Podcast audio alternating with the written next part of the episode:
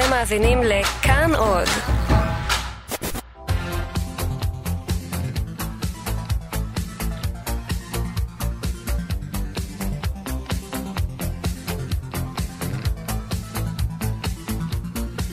חלון גאווה עם איציק יושע.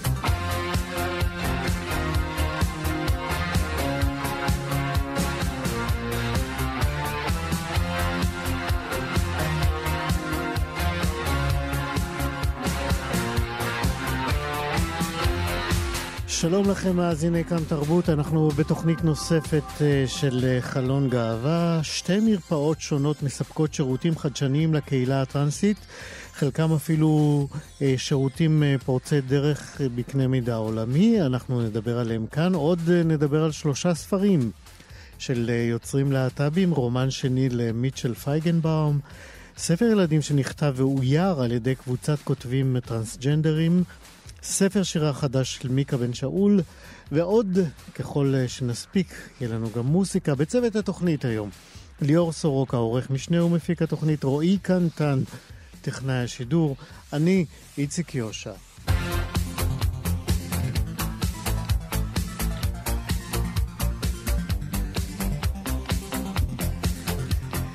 האגודה למען הלהט"ב פרסמה השבוע סקר שבדק את מגמות ההצבעה בבחירות הקרובות בקרב מדגם מייצג של הקהילה הלהט"בית בישראל.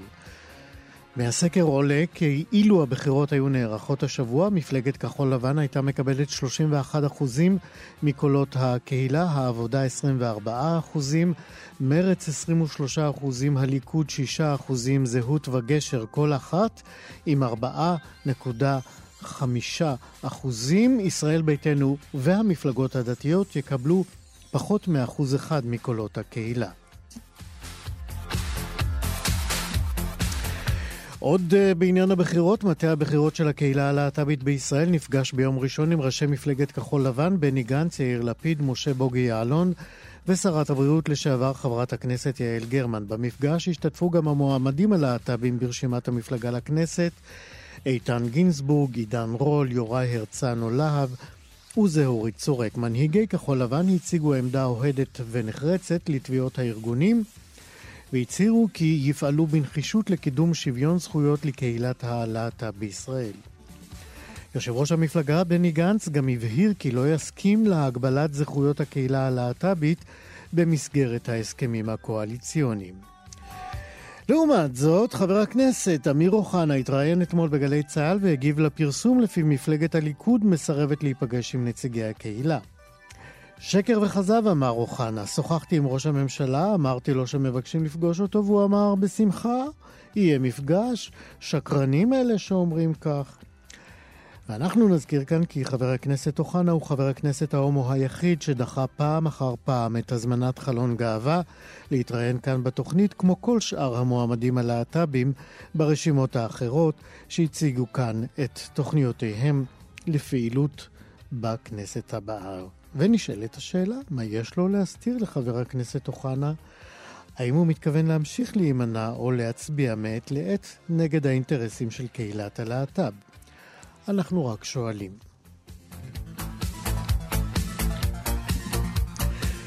חרף גינויים של האו"ם וארגוני זכויות אדם, ממלכת ברוני אימצה אתמול את מערכת החוקים החדשנית והאכזרית שלה לפי הדין האסלאמי.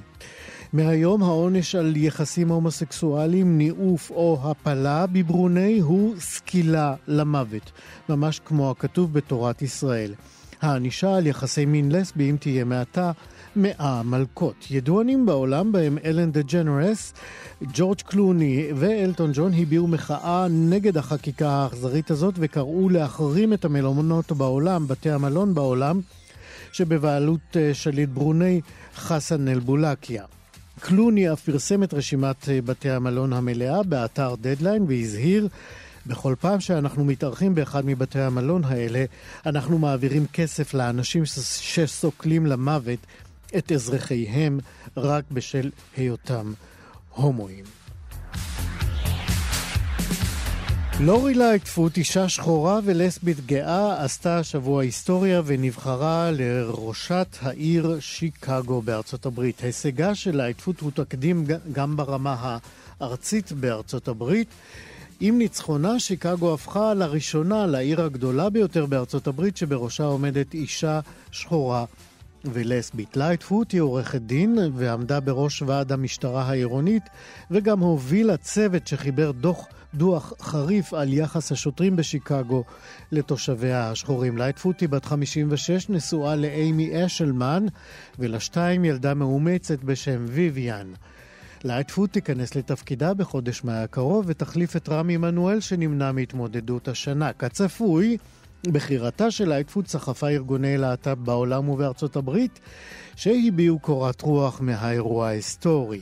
סטפני סנדברג, מארגון שמקדם נשים להט"ביות בפוליטיקה, אמרה לעיתון ניו יורק טיימס כי מעכשיו נשים קוויריות צעירות ונשים שאינן לבנות יכולות לראות השתקפות של עצמן גם במשרה פוליטית בכירה כמו זאת. האם גם אתם רואים בעתיד הנראה לעין לסבית מזרחית בראש עיריית נתניה למשל? אשרי המאמינה, עד כאן חדשות. חלון גאווה עם איציק יושע. אנחנו בשלהי אה, שבוע, שבוע שהתחיל ביום הנראות של הקהילה הטרנסג'נדרית בארץ ובעולם. ולרגל היום הזה הושק בשבוע שעבר הספר "יש מכשפה בקצה הפרדס". זהו ספר ילדים שנכתב ואויר על ידי חניכות וחניכי הקבוצות הטרנסיות של איגי. איגי זה ארגון הנוער הגאה בישראל. חלק מגיבורות הספר הן דמויות של ילדים מגוונים מגדרית. הסיפור של הספר לא עוסק בזהות הטרנסית של הדמויות, אלא מאפשר להן להתקיים בעצמן, וכל זה כדי להציג את הטרנסג'נדריות לא כהוויה חריגה, אלא כאחד מגורמים המרכיבים אה, את הזהות של אה, הילדים בסיפור אה, ובכלל. אני רוצה לקרוא לכם קטע קצר מה... מהספר, והוא הולך כך: איתמר חולם להיות גיבורה. אין מספיק מהן בכל מקרה. מעבר להר מוקף גלי סערה, אי קסום שבו תמר חופשייה. היא נלחמת בטרולים, מדברת עם פיות, תמר היא גיבורה רבת יכולות וכולי וכולי. שלום לסער קנטור. שלום, איציק. אתה צעיר טרנסג'נדר בן 23 וחבר בקבוצה הטרנסית של איגי ואחד מיוזמי וכותבי הספר, נכון? נכון מאוד, גם תרמתי לאיורים. גם מאייר. כן. קסום, איורים נפלאים. חייבים לראות את הספר, חבל שאנחנו לא יכולים להראות אותו, אבל מוזמנים אה, אה, לחפש אותו באתר. עוד מעט נגיד איפה אפשר גם אה, לראות אותו. איך נולד הרעיון אה, לכתיבת הספר? אה, בעצם השנה הזאת זה השנה השנייה שבו הקבוצה הטרנסית יוזמת אה, פרויקט אה, לא קטן למען ציון יום הנראות הטרנסי, ושנה שעברה היה מדובר בסרט קצר ותערוכה, והשנה היה שיח מאוד מורכב לגבי לאיזה קהל אנחנו פונים, מי יראה את התוצר בסופו של דבר. אם אנחנו מדברים על נראות טרנסית, בעצם מי אנחנו רוצים ליצור תקשורת על הנושא, ולי אישית יש אה, אחות בת חמש, ואני מקריא לה סיפורים מדי פעם, ויצא לי בעצם להבין שהרבה מהסיפורים שלהם מאוד משרישים תרבות כזאת אה, מאוד אה, מקובלת של משפחה עם האבא, ילדים ודברים כאלה, ואין הרבה, אין לי דרך בשבילה להסביר לה את הזהות שלי דרך סיפורים, אני צריך להמציא לה בעצמי. אה, אז אה, היה לנו בעצם את המחשבה שאנחנו רוצים לפנות באמת לילדים וגם להורים שלהם, שאולי מתקשים קצת לגשת לנושא אה, וליצור נראות בעולם של... כתבת ילדים. את זה גם להורים שלך בעצם. באיזשהו מקום, וגם גם לאחותי הקטנה ולכל מי שיש לו בני משפחה טרנסים וילדים קטנים שישאלו שאלות מה לעשות, כי הם רוצים לדעת ואין בושה בזה. לגמרי. אז, אז אם הזכרת את אחותך הקטנה, איך באמת היא הגיבה לספר? עדיין לא הקראתי לה אותו. אה, עוד כן, לא? אנחנו, אני רוצה בעצם שהוא, אנחנו מורידים אותו בימים אלה לדפוס, ואני רוצה שיהיה לי את הספר יפה. חשבתי שהייתה לה. פרוטקציה והיא זכתה לפני כולם. אני אעשה לה הפתעה. אוקיי, תגיד, איך כותבים בקבוצה? אה, זו שאלה מצוינת. אה, בגלל שהיה לנו ניסיון משנה שעברה, אה, מסרט קצר, אז עשינו כמה, מה שנקרא, שינויים בנושא. בזמנו היינו צוות של שני כותבים, הפעם הזאת התחלקנו למ- לכמה מחלקות. היה לנו צוות מחקר ופיתוח, שהוא היה שישה אנשים, שבעה אנשים, אה, והיה לנו את הצוות אה, של המלל, הכותבים עצמם והאורחים, וצוות מאיירים, והיה לנו אינטראקציה מאוד מעניינת בין הקבוצות.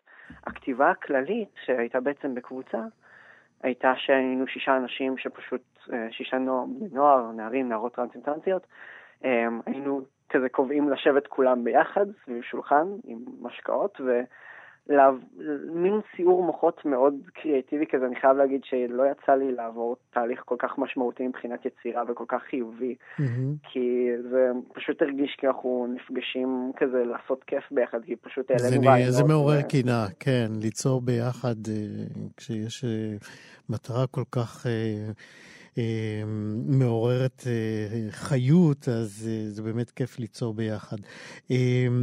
כמה זמן בעצם עבדתם על הספר? אה, כמה. מפגשים יוצרים כאלה היו לכם? אה, וואו. מפגשים אה, של יצירה, של העלילה עצמה, אה, עשינו כ... על- פני שבוע וחצי עשינו מפגשים מרוכזים, כולל סופה של שישי שבת מלאים, שבהם בילינו אותו אחד בחברת השני ועשינו עבודה מרוכזת. אה, משם והלאה היו, בעצם נפרדו דרכיהם של הכותבים והמציירים. אני הייתי בשתי הקבוצות, אז זגזגתי קצת. אה, הזכרת, אבל- כן, הזכרתי, ב... קראתי קטע קצר מה... מהספר, אולי תספר בקצרה, יש לנו עוד מעט זמן, על, על שאר הדמויות בספר ומה מאפיין אותם. אה, אוקיי, סך הכל יש אה, שישה ילדים שעליהם הסיפור. ביניהם יש לנו שלושה דמויות על הרצף הטרנסי ועוד שלושה דמויות שהן לא על הרצף שלוש, הטרנסי, אבל... שלוש, שלוש. שלושה. סליחה, שלוש, אני... שלוש גם- דמויות. גם, אה, גם המגדר אה, הלשוני קצת לא אוקיי, בינארי עבורי, אוקיי, אבל אוקיי. אה, זה בסדר. אני הייתי חייב. זה בסדר, זה, אני רגיל. סך הכל בעצם יש לנו את תמר, עמנואל ועמית, שבעצם הם ילדים על הרצף הטרנסי. תמר היא ילדה טרנסית, עמנואל הוא ילד טרנס, ועמית, בעצם אה, לעמית יש חוויה א-בינארית אה, שעוברת תהליך תוך כדי הסיפור. בנוסף, אה, עוד ש- אה, ילדים שיש להם זהויות משלהם, וכזה נגיד אה, יש לנו את... אה, את אה, אלישבע שהיא באופן מאוד ברור אתיופית. וגם לה יש חלומות ורצונות בעולם הזה. כן, אז הקפדתם אה, על תקינות מכל הכיוונים ומכל האזורים. תגיד, איפה אפשר יהיה לראות, לקנות את הספר? זמין לרכישה אה, כרגע באתר של איגי, תחת, אה, תחת אה, התפריט הראשי יש בעצם את הלינק של על הארגון, ושם מופיע בעצם לינק רכישה של יש מכשפה בקצה הפרדס, אפשר להזמין מראש. חשוב לציין שאנחנו מורידים כרגע את הספר לדפוס, ואז נפיץ אותו בעצם למקומות ש... גם בחנויות ספרים? אמ, אנחנו נראה לגבי זה, זה תלוי יותר בחנויות ספרים מאשר בנו, אבל אנחנו אה, מקווים, מקווים אה, להפיץ אותו לכל מקומות האפשריים. אה, גני ילדים ולתרום ספרים כמה שיותר. כל רכישה, אגב, של ספר תורמת בעצם אה, בסופו של דבר להמשך הפרויקט וההפצה שלו ללא עלות למקומות כמו גני ילדים או ספריות או כל מיני פרויקטים שאנחנו מתכננים נפלא. אותם. סער קנטור אה, מקבוצת יוצרי, כותבי וגם אחד המאיירים של הספר הנהדר הזה, יש מכשפה בקצה הפרדס. תודה רבה ובהצלחה. בשמחה רבה, תודה לכם. להתראות. חלון גאווה עם איציק יושע. השבוע צוינו 30 שנה להקמתו של אה, מרכז ייעוץ לאישה. המרכז הזה הוקם אה, כדי לתת מענה ייחודי למגוון התמודדויות של אה, נשים ברמה הבין-אישית והחברתית, וזה מתוך הבנה רחבה יותר של אה, השפעת המבנה החברתי הפטריארכלי על אה, מעגלי החיים האלה. במסגרת אה, אירועי ה-30 למרכז, התקיימה סדרת הרצאות בנושאים שונים, ואחת מהן אה, הייתה בנושא של זהות מגדרית, והיא התקיימה תחת הכותרת איזה מין מגדר. אה, המרצאה הייתה דפנה גרינר, שהיא עובדת סוציאלית קלינית ופסיכותרפיסטית, וגם מנהלת היחידה לייעוץ ולטיפול של המרכז הגאה בתל אביב. שלום דפנה. שלום וברכה. אז קצת אה, אולי אה, על מרכז הייעוץ לאישה. אה, בשמחה. אז מרכז ייעוץ לאישה, כמו שאמרת, הוקם לפני 30 שנה על ידי קבוצה של נשים, מטפלות, עובדות סוציאליות, פסיכולוגיות, שבעצם הביאו לקדמת הבמה את הגישה הפמיניסטית. אם נגיד כמה מילים ככה על ההתפתחות הפסיכואנליטית בתחום, הזה, באמת פרויד, אה, אבי הפסיכואנליזה, מאוד אה, הושפע מהתרבות שראתה את האישה נחותה מהגבר. אה, הוא דיבר על התפתחות הילדה כמישהי שחסר לה משהו, חלק רחב מהתיאוריה שלו מדבר על קנאת הפין, הידועה. נכון, הידועה מאוד. והגישה הפמיניסטית באה ואומרת, האישה היא לא לא גבר, היא ישות אחרת, נפרדת בפני עצמה, חשוב ללמוד אותה ככזו, להתייחס אליה כך. אמ, ובאמת התפיסה הייתה שיש משהו נכון בזה שנשים יטפלו בנשים, שבתוך החדר הטיפולי ייווצר מרחב מאפשר וקרוב, כזה שלא משחזר את יחסי הכוחות שמתרחשים בחוץ. אה, למרכז יוצא האישה יש אה, שני מרכזים טיפוליים בירושלים וברמת גן, והם עושים עבודה מאוד מאוד יפה. יפה, וההרצאה שלך השבוע אה, הייתה אה, אה, על מי שבעצם המגדר הפסיכולוגי-רגשי שלהם לא תואם את המגדר הביולוגי שלהם, נכון? נכון, נכון מאוד. תספרי לנו קצת אה, באמת על, ה, על הציר המרכזי של ההרצאה שלך. אז, אה, אז באמת, כמו שאמרת, אנחנו נולדים עם מין ביולוגי מסוים, זכר או נקבה. היום אנחנו כבר יודעים שגם המין הביולוגי הוא לא דיכוטומי. יש uh, הרבה אנשים שנמצאים איפשהו על הרצף הזה. Uh, אנחנו מכירים את זה בשם אינטרסקס, שמשהו או במבנה הכרומוזומלי או באיברי המין, באיברי הרבייה, לא, לא מוחלט, ובעצם הרפואה מכריעה לכאן או לכאן, אבל הביולוגיה יכולה להיות גם uh, בין לבין. אה, אבל נניח רובנו אה, נולדים זכר או נקבה, ולא תמיד הזהות המגדרית, החוויה הפנימית, המקום שאנחנו תופסים בחיים, האופן שבו אנחנו תופסים את עצמנו, תואם. כלומר, לא כל זכר מתפתח להיות uh, גבר, ולא כל נקבה מתפתחת להיות אישה. ברוב המקרים זה אמנם כך, אבל מחקרים מראים שבין 0.7% ל-3% מהאוכלוסייה יחוו חוסר הלימה אה, בין המין הביולוגי לבין אה, זהות המגדר. וחוסר ההלימה הזה מזמן mm-hmm. כל מיני מצבים אנושיים מורכבים, נכון, אנחנו עוד מעט נכון. נגיע אליהם. Mm-hmm. אני רק הייתי רוצה, אם תוכלי, לתת לנו כן. איזשהו אה, אה, שרטוט, אם אפשר, ב, של תחנות ב, ברצף המגדרי הזה, כפי שהוא מופיע mm-hmm. במחקר ובקליניקה. אז אני אשמח, אני רק, מאוד חשוב לי להגיד שהפסיכיאטריה אה, וארגוני בריאות הנפש לא רואים בחוסר ההלימה הזה אה, בעיה נפשית או הפרעה כלשהי, זה מאוד חשוב לי להדגיש. אה, אז אנחנו ב... נחזור על זה. לא מדובר בהפרעה, מדובר פשוט בתופעה... זה נקרא, זה נקרא היום דיספוריה מגדרית. Mm-hmm. בעבר באמת זה... ובשפת אנשים רגילים? אז אני אסביר, אני רק, רק אגיד שזה בעבר נקרא הפרעת זהות מגדרית. אבל היום, אה, ב-DSM, הספר שמסווג את האבחנות הפסיכיאטריות, שיצא המהדורה האחרונה ב-2013, אה, זה, לא, לא מופיע כהפרעה. הרעיון של דיספוריה מגדרית זה מאוד פשוט. הבעיה היא לא בחוסר ההלימה. לא זה שנולדתי אישה ואני מרגישה שהמגדר שלי הוא גבר, אה, נולדתי נקבה יותר נכון, אלא המצוקה שנובעת מחוסר ההלימה. אוקיי? הבעיה היא לא, לא, לא, לא היא לא, לא עצם לא התחושה ה... שלא במקום, אלא נכון, המצוקה אלא, שזה קולע את, ה... את מי שנמצא. שהמצוקה קשורה, וזה חשוב מאוד להדגיש, קשורה גם ליחס של החברה. זאת אומרת, כשאדם טרנסג'נדר אה, חי בתחושה שאין לגיטימציה לזהות שלו, שהזהות שלו נחשבת אה, משחק, שהוא אולי לא נורמלי, שהוא אה, מתחזה, אז בוודאי שכל הדבר הזה גורם למצוקה, ולא לא נדבר על מצבים של אה, אפליה מאוד קשה בתעסוקה, אפליה חברתית, אפליה משפטית, אה, אז בוודאי שיש מצוקה וזאת הבעיה.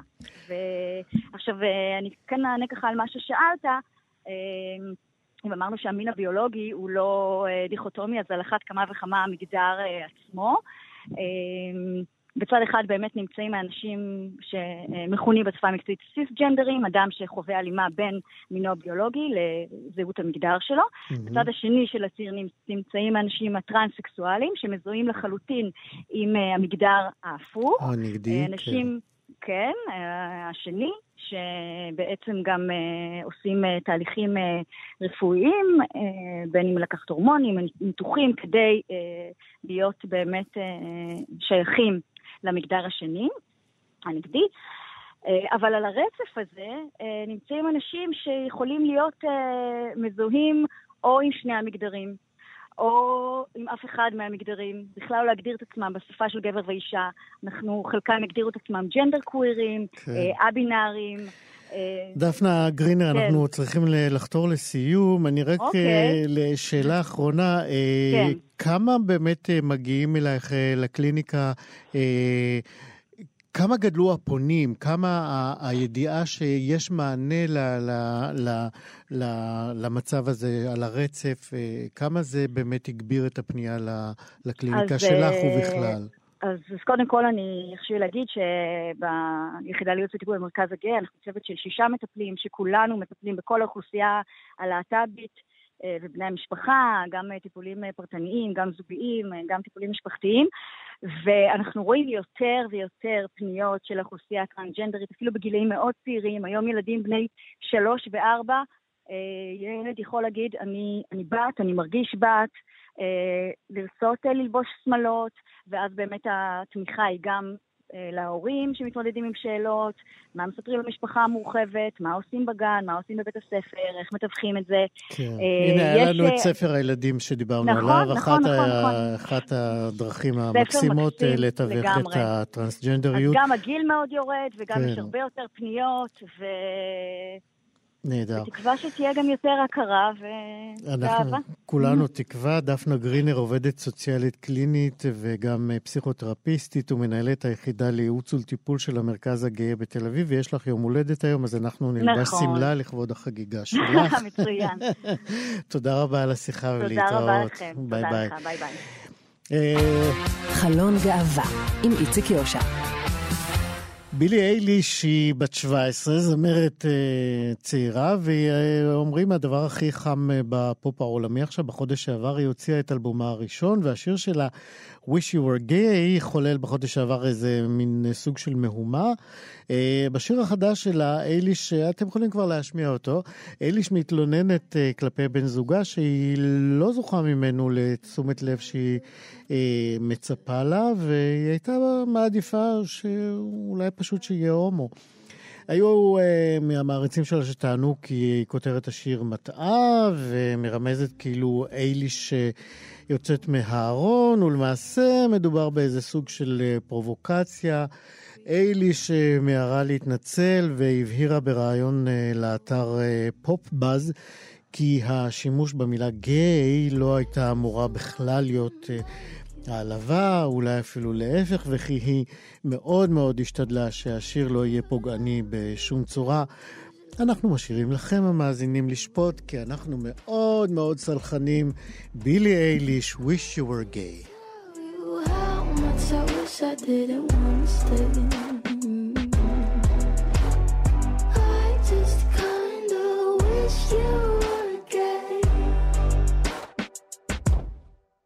Is there a reason we're not through? Is there a 12 step just for you?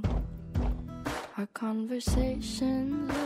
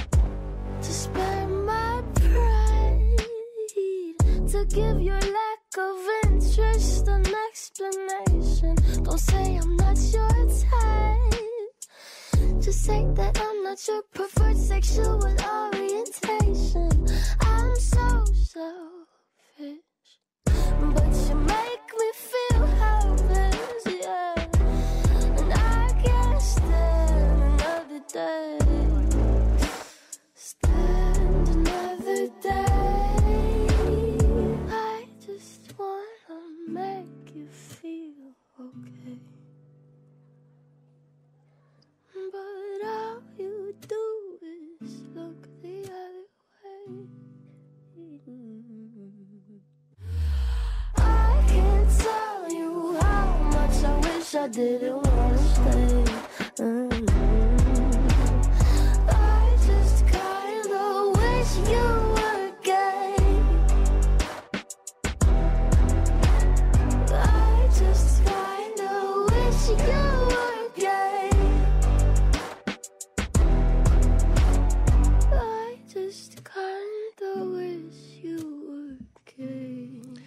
אני אגיד לכם למה התכוונה. היא אמרה שהיא מקווה שהבחור שמתעלם ממנה ולא נותן לה תשומת לב כמו שהיא מצפה, היא מקווה שהוא יהיה הומו כי היא בטוחה שלו הוא היה כזה, הוא היה רגיש יותר ופתוח יותר וחופשי יותר ומבין יותר מה היא צריכה. אה, זאת אה, בילי אייליש וזאת. פינת הפרשנות אה, שלנו. עכשיו, אנחנו שמחים לדבר על אה, הספר "בטחי בקולך", ספר השירים מחדש של היוצרת מיקה בן שאול. ספרה הקודם של מיקה היה בואי לעמוקים, ומיקה בן שאול, נספר לכם, היא בוגרת בית הספר למשחק בית צבי, ויזמה ואף אה, שיחקה במופע לסביונסט שעלה במרכז הגאה לפני שלוש שנים, נכון? כן, שלוש שנים, וירד מהבמות אה, רק לאחרונה. זה היה מופע של אה, שירים ומערכונים מקוריים. שהטלפון שלי צריך להיות מושתק בשלב הזה של חייו. אז זה היה מופע של שירים ומערכונים מקוריים על נשים שאוהבות uh, נשים, ולכן אנחנו אומרים עכשיו שלום, מיקה בן שאול. שלום. ברכות לספר החדש. תודה רבה. בטחי בקולך. בטחי בקולך. זה שיש שיר הנושא. גם, את יודעת מה? למה שלא תקראי לנו מתוכו? שיר הנושא? כן. אוקיי. פתחי בקולך. עשי שהוא יישמע לך שלך. עשי שאת תדברי אותו, ולא שהוא ידבר אותך. פתחי בקולך. הפכי אותו צלול וזך, שתמיד יהיה שם לצידך, ויחזק ויחבק אותך. פתחי בקולך. שימי אותו איתן מעל פחדייך. את יודעת שהוא שם כי הוא השאיר לך מתנות בצורת כל אוהבייך. פתחי בקולך, תני לו לזרום בחופשיות. אל תחנקי את ליבך בגרון, שחררי אותו, תני לו לשוט. זה כל כך יפה. הכתיבה שלך, אני חייב לומר, היא כל כך חדה, בהירה, אה, לא מתחכמת, והיא היא, היא מאוד משכנעת, איזה מין... החוויה שלי כשקראתי היא של אה, איזה מין קבוצת תמיכה של אישה אחת, שבעצם מזמינה אליה אחרות שככה קצת הולכות אה, לאיבוד. איך, איך נראית לך התחושה הזאת שלי כלפי השירים זה, שלך? זה, זה נכון מה שאתה אומר באיזשהו אופן. אני מזמינה את כולם, אבל הרבה פעמים אה, אני מוצאת שבגלל שאני כותבת הרבה פעמים מתוך התסכול האישי שלי וללכת לאיבוד האישי שלי, אז הרבה שנמצאים במצב הזה אחר כך, שאני כבר לא נמצאת במצב הזה, יכולים להתחבר, אם זה make sense, מה שאמרתי. את יודעת, מי שירצה ימצא את הסנס. אני רוצה לשאול אותך, כמה קיימת אה, ציפייה בקהילה הלסבית שאת, אה, מיקה בן שאול, תשמשי לה קול, או את מרגישה בכלל שאת משמשת איזשהו קול? אמ, אני מניחה שכן, אבל אני לא כיוונתי לשם. אני פשוט מאוד אה, מעריצה אותנטיות, וחלק מלהיות אותנטי זה גם להיות חשוף מבחינתי, אה, כמובן אם זה מתאים לך. ואני פשוט גם אוהבת נשים, אז יצא שאני מדברת על זה הרבה ביצירה שלי, זה לא שאני כיוונתי לשם.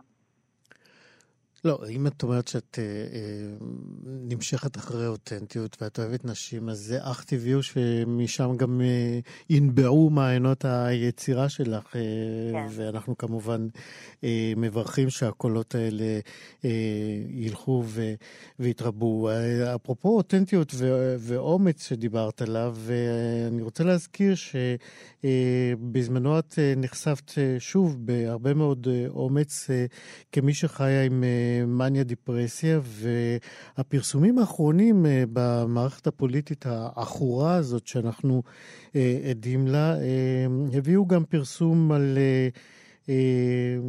אני לא יודע איך לקרוא לו אפילו, על מצבו הנפשי של בני גנץ, והדבר הזה עורר אותך מאוד וגרם לך לעשות עוד מעשה כתיבה. כן. אה, בעצם פרסמתי פוסט אה, ממש כשכל הדבר הזה התפוצץ בחדשות, אה, שפשוט הבנתי שמנסים להוציא מישהו לא יציב נפשית, אפילו לא, לא כתבתי את זה במקום פוליטי, כתבתי את זה במקום שפשוט מתעצבן על זה שאנחנו עסוקים בלהפריד ועסוקים בלהוקיע את השונה. אז יצאתי מהארון המאניה דיפרסיה, למרות שאני אף פעם לא הייתי כל כך בתוכו, אבל כתבתי ככה פוסט אה, מאוד נוקב, שמטרתו הייתה להגיד שגם אדם שמטופל, אם, זה, אם הוא מטופל זה סימן מאוד טוב, זה סימן שהוא מצא את דרכו לאיזון, הוא מחפש אותה לפחות. Mm-hmm. שזה הרבה יותר טוב בעיניי מאדם שאומר שהוא לא צריך עזרה אף פעם. זה הרבה יותר מפחיד אותי, אדם שאינו נזקק לתמיכה אף פעם. כן, אמ, אני מקווה שהדברים שאת אומרת כאן אה, באמת ימצאו להם אה, אוזן קשבת אה, בין מי שעדיין מחשיבים טיפול, שזה בעצם קבלת עזרה וייעוץ כמעט כמו לקבל ייעוץ בכל תחום אחר בחיים שלנו, שצריך באמת לעבוד קשה כדי להסיר את הסטיגמטיות סביב ה... העניין הזה של אה, טיפול וקבלת אה, עזרה. אה, אני רוצה לשאול אותך על, עוד על הספר. כמה מתוכו הוא, הוא דברים שחווית ב, בתקופה שלפני הגילוי או האבחון שלך כמי שחיה עם מניה דיפרסיה, וכמה אה, אה, הוא מהדברים המאוחרים, הקרובים יותר להווה? אמ, הספר החדש הוא כבר אחרי הידיעה שאני חיה עם זה. יש בו אפילו קטע שלם שנקרא להיות במאניה, שמדבר על זה, אה, על התחושות של מה זה להיות במאניה, מה זה להיות בדיכאון. אה, זאת אומרת, אני הרבה יותר מעכלת את הדבר בספר הזה. כן. והתקופה הפוליטית הזאת מאוד, ב... יש לה גם כן ביטוי בשירים שלך? אחד מהם נדמה לי אה, בהחלט מדבר על, אה, על זכויות להט"ביות. נכון. האמת שזה מהספר הקודם, אבל זה פשוט לא מפסיק להיות רלוונטי, לצערי. אז בואי נשמע אה, ממנו, אפשר? כן. אני מתקיל אותך היום, אה? מה זה? אני מתקיל אותך? לא. לא, בכיף, בכיף. יש לי מאגרים של טקסטים בראש. אוקיי, בואי נשמע אותו. איך הוא נקרא? אוקיי. ביבי שלום. אוקיי. ביבי שלום, מדברת אני, נתינה די סטנדרטית שלך, אדוני. לא מבחירה, בחרתי אחרת, קיוויתי לדרך יותר הגונה, דרך שבה גם אני, להטבקית, ארגיש שאינני לגמרי שונה. ספר לי מדוע, ספר לי כיצד, אם עליתי לארץ לגמרי לבד וחתמתי גם קבע בצבא כה נכבד וזעקתי בשטח כולנו אחד, עדיין פה חשה כמו נטל נפרד. הסתכל בעיניי ודבר מהלב, מה זה מפריע לך? זה כואב? זה לא נראה טוב בעיני האויב? מה, תנמק, תגדיר עמדתך, אל תספר לי שאין זה אתה, שגורמים אחרים מעוותים דעתך, ואם זה המקרה, אז תחליף, זה פסה, אדוני החשוב, לידך בכיסא יושב הומופוב, ולא סתם, עוד גאה, ויושבים גזענים ושונאים והרבה. האם זה פסול בעיניך, אחי, שארצה יום אחד לחיות עם אשתי? לנטוע פה בית שלם, אמיתי, מה, זה לא יהודי בעיניך? זה לא מזוקק וטהור לשריך? תעשה לי טובה, גם אתה כבר מבין ששאר העולם מתעורר ומסכים שאין זה עניין של מגדר או צבעים, שכשיש אהבה אז אין שום חוקים ולי אין כוחות לנסות להאיר מוחות חשוכים ולצאת מהעיר, להגיע אליך ליום של זכויות. Give me a break, חשבת להיות? ביבי, חבר, אין מה לדבר, איבדת אותי כבר מזמן. מי סופר? כמות החוקים שהפלתם בכנסת יצרה קהילה חזקה, אך כועסת. אז היכונו, הפעם תהיה הפיכה. נצעד עם כרזות ושירי מחאה, ביבי, הזהרנו הכל בידך. נילחם בבורות, ונברא אהבה. ויקה בן שאול, אני, אני עומד פה ומוחא לך כפיים. תודה רבה. אה, שוב נברך אותך אה, עם צאת הספר החדש שלך, בטחי בקולך. אגב, מתי הוא... יש איזה אירוע השקה של הספר בקרוב? הולך להיות אירוע בקרוב, כל הפרטים באינסטגרם שלי, זה שירי מיקה. אה, כרגע אין עדיין תאריך, בגלל זה אני לא יודעת להגיד, אבל אפשר כבר להזמין את הספר. נהדר. הנה אנחנו מזמינים את המאזינים להזמין את הספר הנהדר הזה, בטחי בקולך. מיקה בן שאול, תודה רבה מאוד על השיחה הזאת. תודה רבה. להתראות. תודה רבה. ביי ביי. חלון גאווה, עם איציק יושע. עוד מרכז שמציין תאריך עגול לפעילותו הוא המרכז הרפואי ארם, שמציין עשור לפעילותו, וזהו מרכז לרפואת אף אוזן גרון. ניתוחי ראש, צוואר, פה ולסת, ולמה זה מענייננו? כי לאחרונה פועלת במרכז מרפאת אה, אה, טרנסג'נדרים שמתמחה בסיוע ובתמיכה בתהליכים רפואיים שכרוכים בשינויים אה, מגדריים. ביום שלישי האחרון המרכז גם אה, רשם אה, הישג עולמי לאחר שהתקיים שם בפעם הראשונה בעולם ניתוח להשטחת אה, גרוגרת ללא חתך חיצוני. זה הייחוד, וזה פיתוח ייחודי של אה, אחד אה, מרופאי אה, המרפאה. אנחנו אומרים שלום לנועה מנלה. שלום, שלום. את מנכ"לית מרכז ארם, נכון? נכון. אנחנו מיד נדבר על, על ההישג שלכם, אבל אני הייתי רוצה... אנחנו לא, אני... אתה זוכר שדיברת. אנחנו נדבר אה, בקצרה, אוקיי, רק נזכיר אותו שוב, אבל אני הייתי באמת אה, רוצה אה, שתספרי לנו ככה קצת באופן כללי, לפני שנדבר על הפרוצדורות שקשורות בטרנסג'נדרים, קצת על המרכז שלכם, על מרפאת הרם.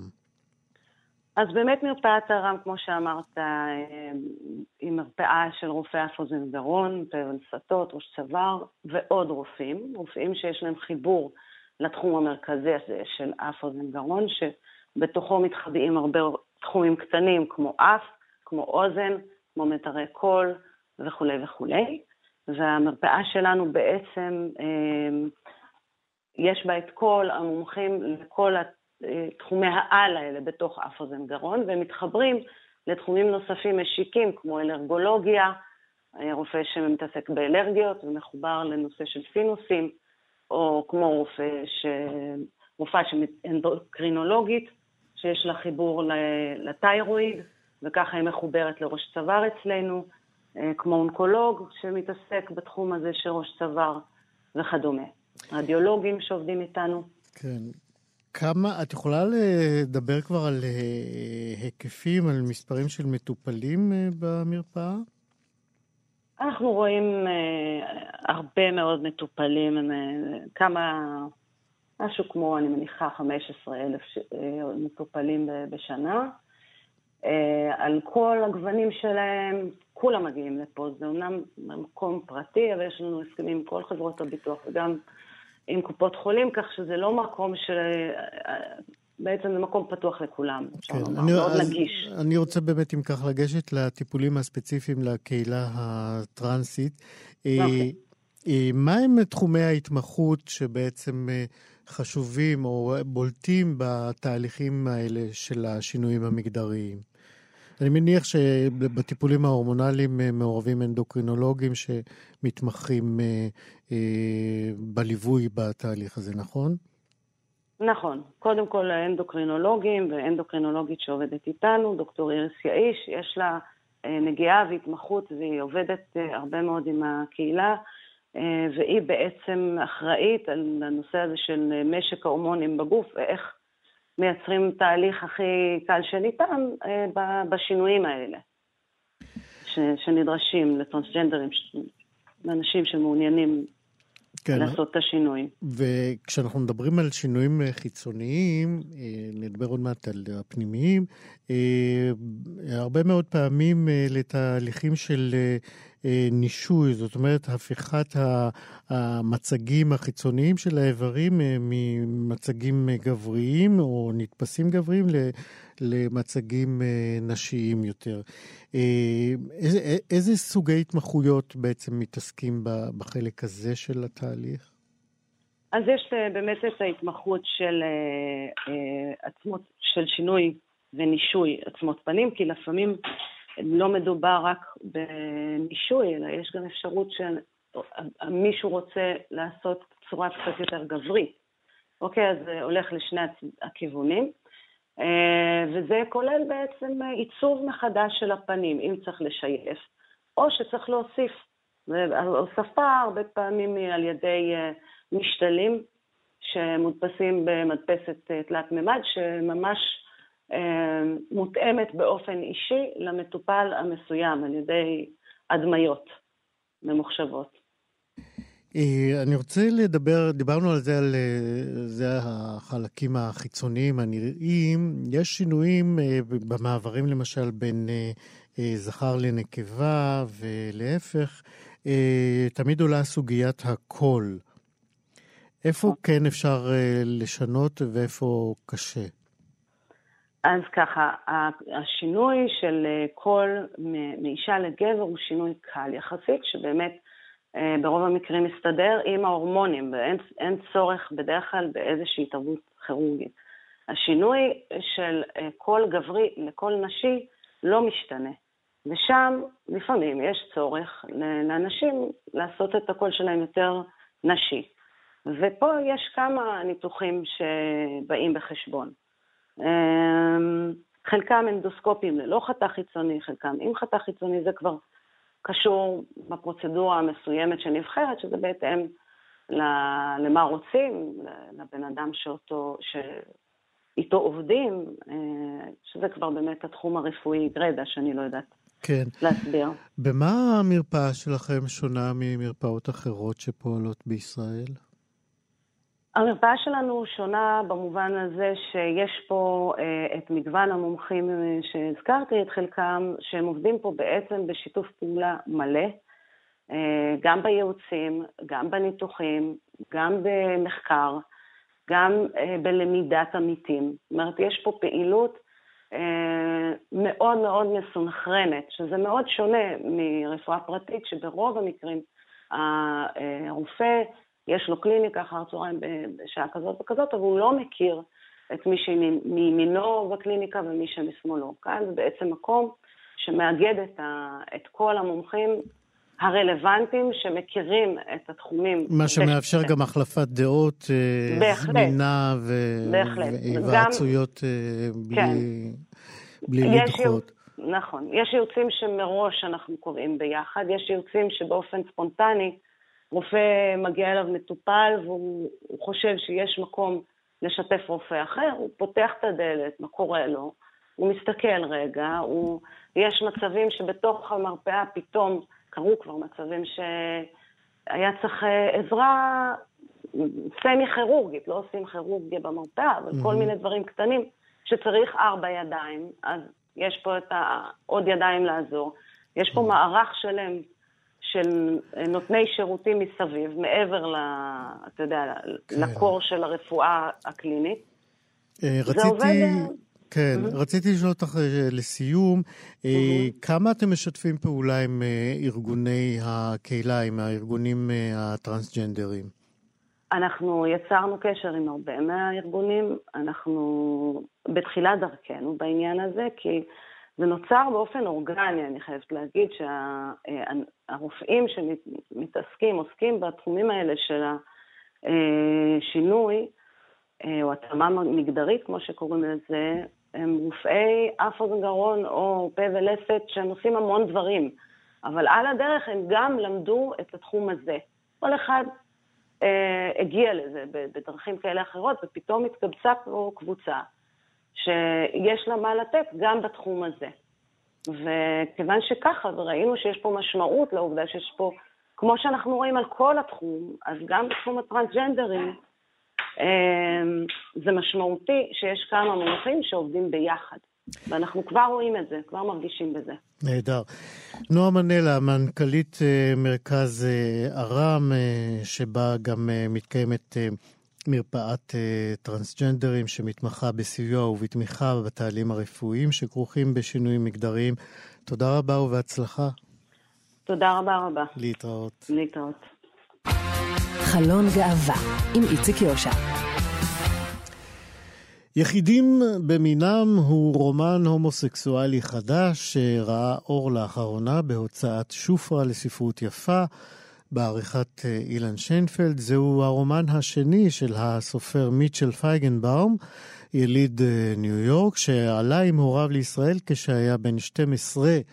הספר הראשון של מיטשל, עד לאהבה, היה קובץ סיפורים שיצא בשנת 1900. 99. הרומן הזה, חדש, יחידים במינם, מביא את סיפורה של החברה הישראלית אה, כחברת אה, מהגרים, ובתוכה אה, הוויה אה, הומואית אה, כפי שהיא משתקפת אה, בספר. שלום לסופר מיטשל פייגנבאום. שלום איציק. ברכות על הספר החדש. תודה רבה. ספר לנו מי הם דורי לבנטל ואריאל טלרמן. כן, הם שני הגיבורים של הספר, שניהם נערים שעולים חדשים שעלו ארצה לנתניה בשנות ה-70.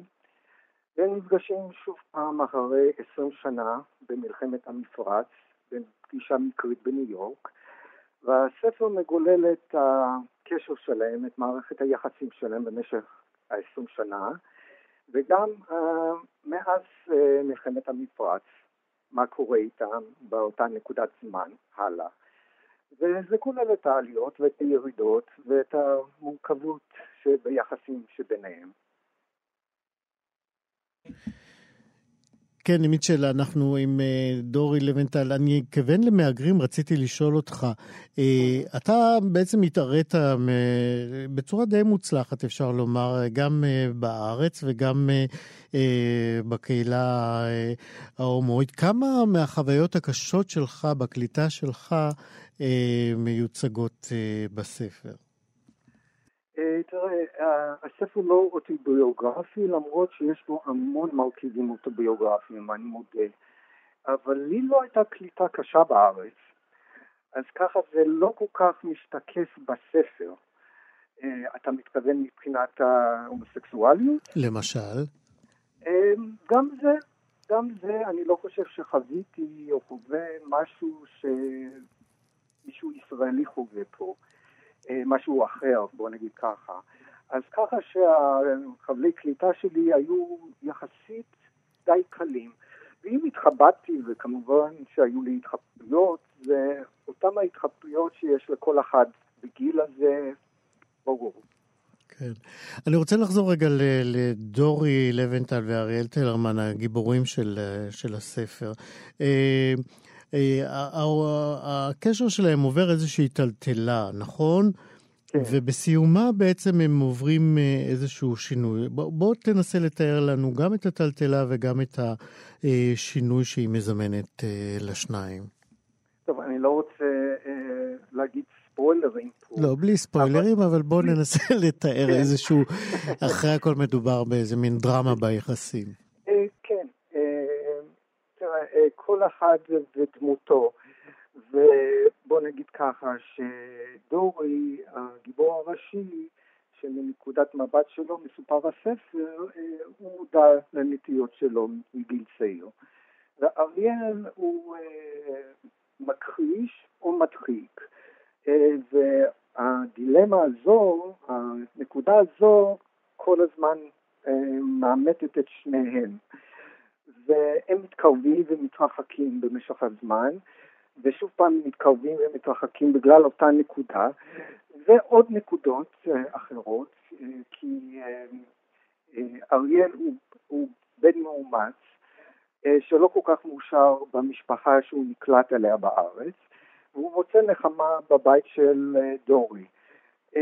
וזה גם מרכיב של למי אני שייך, איפה אני שייך בעולם הזה, שזה גם כן אחת השאלות בתור הומוסקסואל, אתה שואל את עצמך איפה, למי אני שייך, איך אני בונה את החיים שלי, וזה כל הזמן מהווה איזשהו טריגר ביחסים שלהם, ו- וקורה, וקורה הרבה דברים שם. אה, כן, זה מה שקורה ביניהם. טוב, אנחנו באמת לא נעשה אה, ספוילר. שאלה אחרונה ככה לקראת סיום. אה, איך היית מגדיר את העברית, כשפת אם או אנגלית היא שפת אם שלך? אה, אני כמו הגיבור של הספר של דורי, אני קצת נופל בין שתי השפות, אני מודה. אה, למרות שאני כאן בארץ מגיל 12, אה, ואני כותב ומדבר עברית כמובן, וככה אני גם באנגלית. ובכל אופן, אני מרגיש לפעמים לא כאן ולא שם. זה לא בערך מוקלט. ועדיין בחרתי לכתוב, ובחרתי לכתוב בעברית, אז אין לי ברירה אלא אה, לחשוב רוב הזמן בעברית. ועדיין שפת האם שלי, האנגלית, היא עדיין חלק מאוד אינטגרלי שלי. אז uh, כנראה זה יישאר ככה, מה שנראה לי. יפה, אז אנחנו מזמינים את המאזינים uh, לראות את התוצאות של המעבר הזה בין השפות בספר החדש שלך, גם כן, יחידים uh, במינם, ספר שיצא בהוצאת שופרה לספרות יפה בעריכת אילן שיינפלד. מיטשל פייגנבאום, תודה רבה ובהצלחה עם הספר החדש. תודה רבה, איציק. להתראות.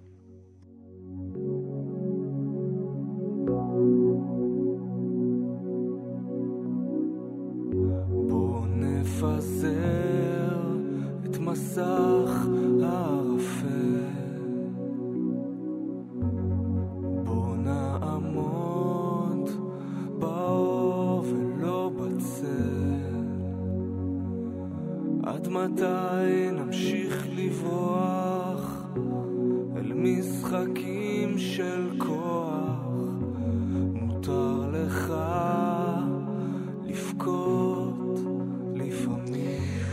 אנחנו שומעים את אה, עברי לידר, שאם הוא בוכה הוא בוכה משמחה ומאושר. אתמול עברי לידר סיפר uh, לקהל עוקביו כי הוא בעצם בעיצומו של תהליך uh, פונדקאות בארצות הברית uh, להבאת ילד.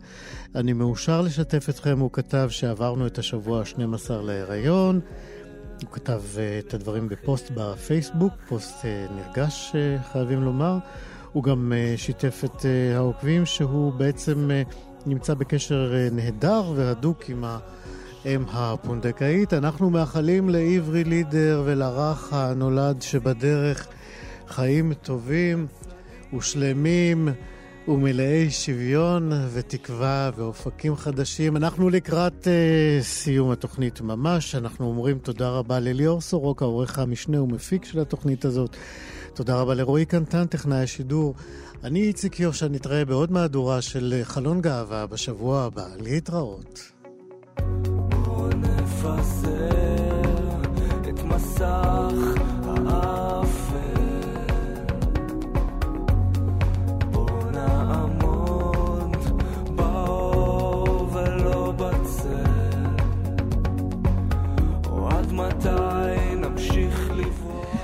כמובן שהרך עדיין לא נולד, אבל אנחנו מאחלים לו לידה מוצלחת ובריאה וטובה, ושיהיה במזל עברי. תודה ולהתראות.